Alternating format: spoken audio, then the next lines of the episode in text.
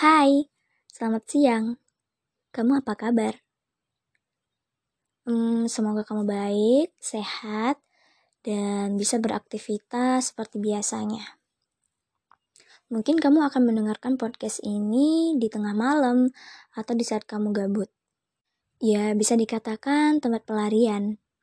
Gak apa-apa, meskipun podcast ini tempat pelarian kamu, tapi Aku bersyukur kamu mau mendengarkannya sampai habis. oh iya, pernah gak sih kamu merasa emosi yang menggebu-gebu? Ya, aku nggak tahu itu disebabkan karena apa, tapi kamu tidak bisa melampiaskannya. Dan kamu tidak tahu hal-hal um, yang bisa meroda emosi itu. Aku pernah merasakan sebuah emosi, emosi yang sangat menggebu-gebu. Di saat itu aku hanya karena hal kecil seperti susu coklat, susu kotak coklat yang aku beli. Saat itu malam, aku sangat ingin menikmatinya. Aku rela menahan hasrat aku untuk meminum itu dan aku masukkan ke ruang pendingin, yaitu kulkas. Dan setelah itu, aku tiba-tiba lupa sama minuman itu. Dan besoknya, aku sangat ingin meminumnya. Tahu kan, ketika kita sangat berharap banget dan udah terasa tuh di tenggorokan minuman itu. Hmm, bukan main lagi.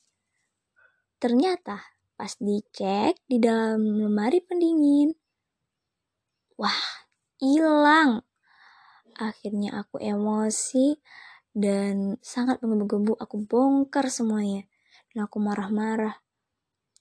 Di sana karena aku tidak mau mengeluarkan kata-kata, akhirnya aku menangis. Hanya karena susu kotak coklat seharga 5000 Aku menangis sambil menahan emosi dan setelah reda, lega, ya aku cari lagi. Aku tanya baik-baik, ternyata ada sesuatu yang membuat sesuatu itu hilang. Dan kamu tahu, menangis merupakan salah satu yang bisa membantu kita menghilangkan emosi. Di saat kita tidak mampu melampiaskannya lagi, nah, menangis adalah salah satu solusinya. Kalau kamu menganggap menangis merupakan ciri-ciri orang yang lemah dan tidak mampu atau tidak berdaya, itu salah. Karena menurut aku, menangis itu merupakan apa ya sesuatu ungkapan. Bukan berarti kita lemah gitu tapi di saat kita menggebu-gebu banget itu kita nggak bisa lampiasinnya ya kita lampiasin ke menangis. Bukan berarti kita lemah ya hanya saja kita membutuhkan itu.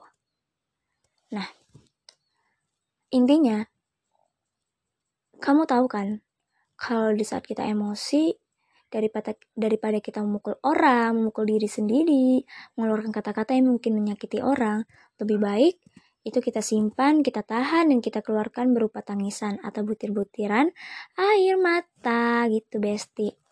Oke, mungkin kamu juga pernah merasakan apa yang aku rasakan dan melakukan apa yang aku lakukan. Tapi,